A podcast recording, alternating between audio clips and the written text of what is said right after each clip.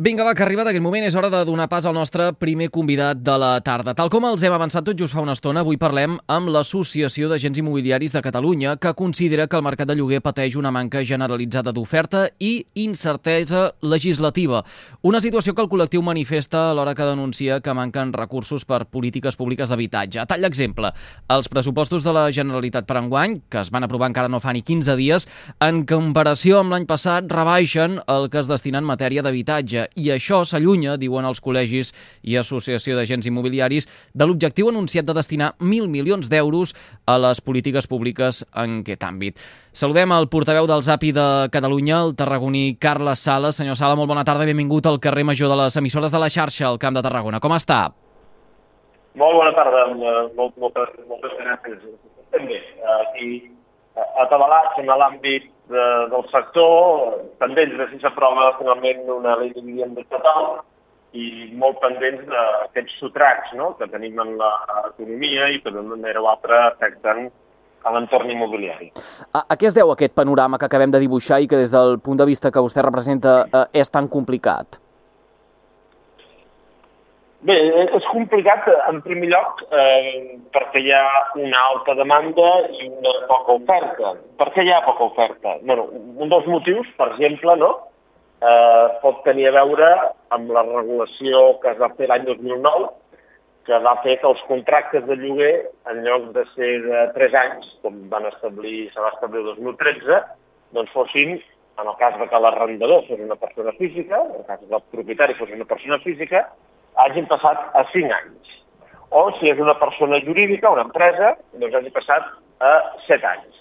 Clar, aquesta, aquesta modificació que es va fer el 2019 implica que en aquest moment hi ha molta menys rotació d'habitatges que acaben contracte i per tant doncs, que s'incorporin o hi hagi la possibilitat de doncs, signar nous contractes en definitiva que hi hagi rotació. Dos, eh, un altre motiu també probablement perquè hi ha aquesta situació de falta d'habitatge de lloguer, doncs eh, té a veure amb una qüestió d'inseguretat jurídica. Eh? A Catalunya l'any 2020 es va aprovar una llei que feia, posava uns topalls de lloguer, de contenció de renda, els congelava pràcticament, i aquesta llei des del primer moment va estar en discussió de si seria eh, la Generalitat competent o no competent doncs, per, per emetre-la. No? Finalment, al cap de 18 mesos, el Tribunal Constitucional va, va dir que no, que, que era una llei absolutament nula. Mm. Uh, mentrestant, amb la Covid, amb la pandèmia sanitària pel mig, s'han anat emetent uh, instruccions, real decretos leyes, uh, que uh, paralitzaven determinats desnonaments de persones que no pagaven el lloguer, Eh, aquesta és una qüestió que s'ha anat prorrogant de sis mesos en sis mesos, pràcticament doncs, portem, eh, jo quasi diria ja tres anys amb aquest tipus de suspensió, i en tot cas, tant una cosa com l'altra, com l'anunci al febrer de 2022 que s'havia arribat a un acord eh, d'un projecte de llei estatal de vivienda que també incorpora topalls del lloguer, doncs tot plegat, per exemple, això genera molta inseguretat que fa doncs, que eh, el propietari doncs, s'ho pensi molt i molt mm -hmm. de si un habitatge que pot tenir fruit d'una herència o fruit d'una adquisició, fruit del fruit del que sigui, eh, doncs el posa en lloguer o en canvi el posa directament a la venda. A, a qui beneficia aquesta, aquesta situació? A, els tenidors d'habitatges? Ara parlàvem de el, el titular d'aquest habitatge que ha heredat o que ha comprat. És igual, el titular d'aquest habitatge que no el vol posar en el mercat de, de lloguer. Després ens passa allò que eh, tenim els pisos buits. De fet, Tarragonès i Baix Camp acumulen el 40% de pisos buits a la demarcació de Tarragona. Sí, jo, jo no sé la part d'aquest del 40% d'on surt, però eh, el que és evident és que eh, avui en dia la gran majoria de pisos que estan buits, dels habitatges que estan buits, normalment estan en ubicacions on els ciutadans no tenen massa interès d'anar-hi a viure. Vull dir, és difícil pensar que un habitatge que pugui estar en condicions d'habitabilitat doncs el seu titular el vulgui tindre buit i el vulgui tindre simplement eh, ociós, no?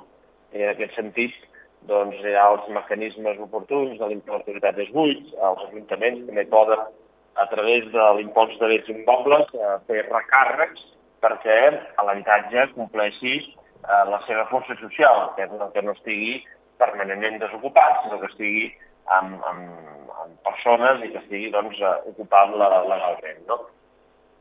Bé, jo tinc eh, aquesta xifra del 40% dels peatges de la demarcació de Tarragona, eh, jo ignoro, eh, no sé si surt de l'Institut Nacional d'Estadística del 2011 o són dades eh, més recents, però eh, realment eh, en els àmbits més metropolitans és difícil trobar suficient oferta eh, de lloguer, de lloguer eh, assequible, que pugui donar resposta a l'altra demanda que hi ha en aquest moment.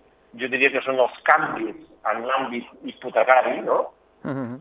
eh, que, que s'havien de fer, per altra banda, eh? canvis que s'havien de fer per no tornar, no tornar a una situació d'execucions hipotecàries, fuig de sobreendeutament de les famílies que se'ls atorgava un finançament per, un, per uns habitatges que no podien aleshores fer front, fins i tot encara que no hi hagués hagut la crisi, doncs, eh, per tant, aquesta situació ha fet que moltes persones s'aboquessin eh, cap al lloguer. El lloguer es veu en aquest moment de forma molt diferent a la de fa 3-4 dècades.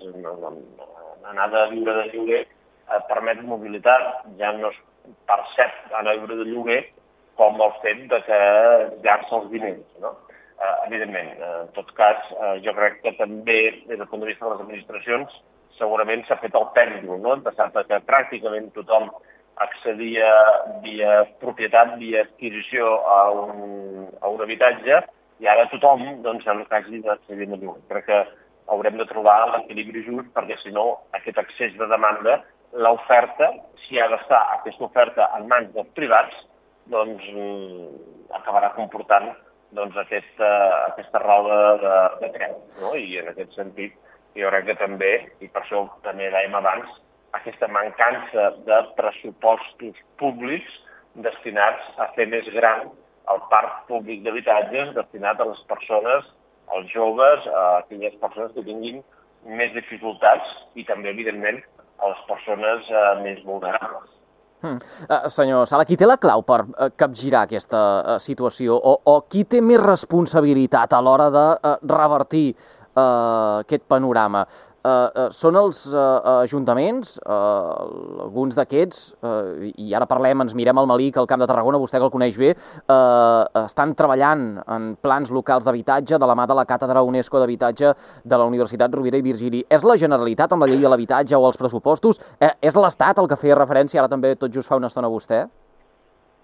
A veure, des d'aquest punt de vista de la responsabilitat, jo sempre dic que la temàtica, la problemàtica de l'habitatge està en la primera línia de la, de la discussió política i en l'última línia de la discussió pressupostària. Parlem de l'Estat, parlem de la Generalitat o parlem de molts ens locals, no? I, i per tant, eh, l'administració eh, responsable de fer polítiques, no ja de foment, que això és segur també, eh, sinó polítiques assistencials, perquè estem parlant sovint de polítiques més pròpies del que seria serveis socials que no pas del que serien polítiques d'habitatge, això, evidentment, les responsabilitats estan compartides. Però si parléssim de polítiques d'habitatge tal qual, a l'any 1988 ja el Tribunal Constitucional va definir clarament que això era una responsabilitat de tots, el, tots els nivells de governança. I, per tant, en aquest sentit, perfecte el dels plans locals, però els plans locals s'han de dotar pressupostàriament per poder-los executar. Perfecte doncs, que la Generalitat vulgui impulsar eh, 10.000 habitants en 3 anys que va escoltar l'altre dia que va anunciar el president Aragonès, però no pot ser que ens allunyem eh, de la dels 1.000 milions de pressupostos, eh, els pressupostos per polítiques públiques d'habitatge, i molt malament l'Estat, no? que doncs, té 13 programes diferents dins del Plan Vivienda, però que enguany destina per a tot l'estat espanyol i destina poc més de 500 milions d'euros. Per tant, amb això poc o res eh, farem. Uh, senyor Sala, uh, vostè que uh, ha trepitjat també uh, l'àmbit públic i sap com eh, funciona. De fet, fins eh, fa relativament poc era el secretari d'Habitatge de la eh, Generalitat. Què ha canviat en tan poc temps? No, no ha canviat res. Escolta, jo quan estava de secretari d'Habitatge eh, i tinc declaracions fetes i allò de la biblioteca, em queixava i molt, i deia que els mil milions d'euros que havia de tenir la Generalitat en polítiques públiques d'habitatge eh, s'havien d'assolir des de l'any 1 de la legislatura, no? I, i bueno, amb els fons Next Generation vam tindre l'estiuet de Sant Martí, però ara que els fons Next Generation ja no porten la mateixa quantitat, doncs via pressupostos extensius i socials com els que s'han aprovat aquest any 2023, aquesta reducció dels fons Next Generation que arriben al, a la Generalitat, doncs, amb fons propis de la Generalitat no s'ha suplert. Eh, mentre he estat secretari d'habitatge, he estat queixós no, el següent respecte als pressupostos de l'Estat. Pensi vostè que l'Estat, en el seu moment, eh, no només per polítiques directes d'habitatge, sinó per polítiques d'estalvi fiscal, recordi vostè les eh, desgravacions per adquisició d'habitatge o fins i tot en alguna època per estar lliure d'habitatge, les polítiques fiscals de desgravacions relacionades amb l'habitatge van arribar a costar 6.000 milions d'euros a l'Estat. Eh, un cop tretes aquestes desgravacions, ben tretes per cert, doncs eh, queda un cost residual de 1.000 milions d'euros, però els altres 5.000 milions d'euros que s'ha estalviat l'Estat no, les ha, no els ha destinat a polítiques eh, concretes i directes d'habitatge. Per tant, eh, no ha canviat res. Jo m'he queixat, eh, i ho tinc escrit, perquè també està bé que aquestes coses estiguin escrites, abans de ser secretari en aquesta segona etapa, eh, mentre ho he estat i en posterioritat, que eh, la corresponsabilitat dels propietaris i del que s'anomena grans tenidors ha de ser una corresponsabilitat fiscal, d'acord? Via impositiva, via impostos. I després, la responsabilitat dels polítics és la de distribuir aquests impostos d'acord amb les prioritats i les problemàtiques de la societat. I és evident, és evident, insisteixo, que la problemàtica de l'habitatge eh, no té solució si no s'hi posen recursos. Miri, un dia a mi la, la consellera de Drets Socials em va dir quina llei podem fer? Dic, no, lleis tenim totes les que vulguis, instruments tenim tots els que vulguis si el que ens falten són recursos per poder eh, aplicar eh, els instruments que ens donen aquestes lleis que ja estan aprovades i, per tant, les lleis no arreglen eh, la situació. Les lleis orienten, les lleis reparteixen responsabilitats en aquest moment i les lleis el que s'ha de fer és dotar-les pressupostàriament. Uh, ara que parlava d'això, de, de, de, de tenir també aquest uh, recurs econòmic per poder destinar uh, a l'habitatge, feia referència als fons europeus de recuperació uh, Next Generation. Uh, ara tot just fa uns dies entrevistàvem el Col·legi de Parelladors, Arquitectes Tècnics i Enginyers d'Edificació de Tarragona uh, i posaven de manifest les poquíssimes, deien, peticions d'ajuda en aquests Next Generation per la millora d'eficiència energètica d'edificis uh, que s'han arribat a fer en un any.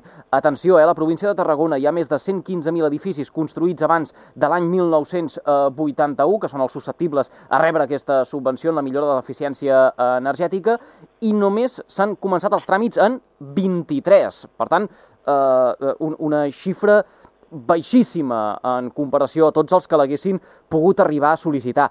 Pisos que en eh, gran part poden estar també eh, tancats, eh, buits, i no ser d'interès d'aquesta gent que busca en el mercat de lloguer? Bé, el tema dels Next Generation eh, és un tema que pot ser, si, mm, si no es consciencia més, si els prescriptors eh, no aconsegueixen convèncer a les comunitats de veïns, doncs pot ser una oportunitat perduda, perquè el que és evident és que aquestes subvencions de fons perdut, especialment mi m'agrada més parlar de la renovació dels edificis que de la rehabilitació, perquè no es tracta de deixar-los en l'estat en el que es van construir, sinó que aprofitar dels nous materials, de les noves tècniques constructives, eh, dels avenços tecnològics, per poder fer uns, uns edificis moderns, més saludables, que consumeixin, que siguin eficients energèticament, que és el que es tracta sobretot, que millori l'accessibilitat en els diferents habitatges, etc. No? Per tant, pot ser una oportunitat perduda i doncs, les comunitats de veïns les comunitats de propietaris no es posen eh, d'acord i no tenen gana aquests projectes. Eh, a mi em resulta certament absurd, vist des d'un punt de vista de millora per la confortabilitat i la salut és evident, vist des d'un punt de vista de la solidaritat amb el canvi climàtic també és una qüestió que és absolutament evident, però fins i tot, de fins i tot des del punt de vista de la, de la inversió, des del punt de vista, si volen, més material, eh, és evident que un habitatge, un edifici que ha de canviar la seva pell, eh, que ha de fer actuacions d'eficiència energètica, mm, que són edificis potser que als anys 60, anys 70, doncs la revalorització sola de les actuacions que comporta està per sobre de la quota que de pagar cada un dels habitatges. Això per una banda. En un moment i en un escenari d'increment dels preus de l'energia com els que hi ha hagut, doncs eh, també mm, poder rebaixar la factura energètica, fins i tot en alguns casos he pogut veure estudis econòmics que només amb la rebaixa de la factura energètica es paga la de la part no subvencionada pels fons negres i meres. Per tant, eh, és una qüestió certament sorprenent, és una qüestió eh, doncs, que en algun o altre algú s'arrepentirà, perquè la Unió Europea està molt i molt decidida eh, que d'aquí deu anys, i sobretot abans del, amb la fita de l'any 2050, hi hagi una emissió neutra de, de, per part dels edificis residencials, i per tant, ara no, ara és via fons, però d'aquí uns anys serà obligatori tindre a l'edifici amb una determinada eh, eficiència energètica que podem avançar-nos, podem fer-ho ara, mm. eh, aprofitant que hi ha aquests recursos econòmics. Mm. Senyor Sala, per eh, reconduir la situació, Catalunya, eh, amb qui s'hauria d'emmirallar? Moltes vegades posem d'exemple els països nòrdics i diem que fan la majoria de coses bé o que ens poden servir de, de, de model. Uh, uh, o, o, on podríem uh, trobar un esquema aplicable per Catalunya? Uh, a veure, els països nòrdics, eh, en compte, eh, en, mirarem, però, per exemple, se m'ha recordar, i ara parlo del nord de Suècia, en aquest moment té una cua de 11 anys de la gent que ha demanat un habitatge social. I, per tant, a vegades ens emmirallem en qüestions que si rasquem no sempre tot és eh, tan bonic com sembla, no? O ens emmirallem en Viena. Eh, bueno, però clar, si Viena necessitaríem 100 anys i necessitaríem molt de pressupost per arribar a tindre el parc social d'habitatges a una ciutat tan important com, com l'Austriaca. No? Però eh, jo emmirallar-me, doncs emmirallar-me en, aquells, en qualsevol dels països, en qualsevol dels països que destina un 1% del seu PIB o un 1,5% del seu producte interior brut i no un 0,1% del seu producte interior brut, com és el cas en general d'Espanya, de, a, a polítiques públiques d'habitatge. Ja està, és mirar-nos, mirar com eh, les polítiques d'habitatge són, des del punt de vista de costos pressupostaris, proporcionalment parlant, tan importants com poden ser les polítiques de salut i les polítiques d'educació. De, I són polítiques que necessiten, a més a més, necessiten seguretat jurídica. Les regles del joc han d'estar marcades i han de tindre estabilitat. Perquè si l'administració no inverteix, si l'administració no és qui fa el parc públic gran, eh, ho hauran de els privats. No? I si ho han de fer els privats, els privats hauran de saber quines són les regles del joc, eh, quin és el, què és allò que hi guanyen i què és allò que hi perden. I, per tant, aquestes regles del joc doncs, s'han doncs, de mantenir estables. I una de les qüestions que a mi més em preocupa de la possible aprovació d'una llei de vivenda a nivell estatal doncs és que es convertirà en la nova joguina del cicle electoral i en funció de si governa un determinat eh, partit doncs, aprovarà aquesta llei mm, doncs, amb uns certs uh, conceptes i com ha passat amb les lleis d'educació durant, doncs, durant moltes dècades, si governa un altre partit doncs la canviarà. I per tant, jo crec que les polítiques d'habitatge, mm, més que utilitzar-les com una joguina ideològica eh, en base a unes propostes electorals, d'estat de, eh, el mínim comú múltiple, no? Eh, quins són els mínims conceptes en els quals tothom hi hauria estat d'acord per veure de dotar d'aquesta estabilitat que es necessita. Hmm. Senyor Sala, ja per acabar, eh, els, els joves eh, del, del futur, eh, aquells eh, que d'aquí uns quants anys eh, eh, hagin eh, d'adquirir, de eh, llogar un habitatge, eh, poden ser eh, optimistes? Eh, es, es pot reconduir fàcilment la situació. Des de la Càtedra UNESCO d'Habitatge de la Rovira i Virgili, ara fa uns quants dies, ens deien que precisament retenir els joves és un dels grans reptes de les ciutats del segle XXI. Sí, retenir-los i retenir-los i retenir-los de cara no, no, eh, per altres qüestions que no tenen a veure amb l'habitatge, doncs acaben marxant del país i acaben marxant del país doncs, eh, els joves amb més talent. I, per tant, retenir-los és, és important, retenir-los a les nostres uh, ciutats també. Uh, el repte és, no, no, no és senzill, és que el repte no és senzill. Jo, jo si missatge d'optimisme, uh, el que faci falta, eh? Eh, i hem de veure, i hem de veure si en realitat eh, doncs, qüestions que a vegades ens semblen eh, doncs que hi ha un canvi d'actitud o de costums. Eh, la pandèmia ens va fer semblar tots que potser doncs, la gent no estaria tan interessada en viure en ciutats molt densificades i que potser doncs, a l'espai menys densificat, si em permeten l'expressió, l'espai més rural, eh, podia guanyar quota, això ara per les demandes que hi ha en els àmbits metropolitans doncs sembla ser que s'ha esborrat i que la tendència és la que apunta, no? que el 2050 sembla recordar que que el 70% dels habitants del món vivien en grans eh, ciutats. No? Per tant, eh, això generarà una dificultat. Eh, dificultat en municipis on tinguin la capacitat d'ampliar doncs, eh, la seva xarxa de promoció de nous habitatges doncs serà més senzill. En entorns metropolitans on per diferents qüestions de caràcter geogràfic i físic doncs aquesta ampliació doncs no és possible, doncs s'ha de pensar que o es creix eh, en alçada o es creix en amplada, no? i de quina manera a través dels municipis eh, veïns, i aquí entra a jugar un paper molt important doncs, els, els transports. Eh, els joves, eh, jo crec que eh, han estat desatesos perquè des de l'any 2009 l'accés a l'habitatge no ha estat eh, l'element principal de les polítiques públiques d'habitatge. El canvi de paradigma va ser brutal. Eh, l'accés no va passar a ser la prioritat. Eh, en funció de la crisi hipotecària del 2008, no perdre l'habitatge aquell que ja el tenia, eh, per tant mantenir-se en l'habitatge, va ser la principal prioritat que, que, que es va posar damunt de la taula. No? I, per tant, s'ha d'anar reequilibrant aquestes actuacions, les de foment, eh, per intentar que els joves puguin doncs, emancipar-se. Tenim una quota d'emancipació de les més baixes de, de tota Europa, per tant, que els joves pugui emancipar i, i reequilibrar polítiques de foment, polítiques assistencials en, en l'àmbit de l'habitatge. Per fer-ho, pressupost. Carles Sala, portaveu del ZAPI de Catalunya, gràcies per acceptar la invitació del carrer Major de les emissores de la xarxa al Camp de Tarragona. Ha sigut un plaer.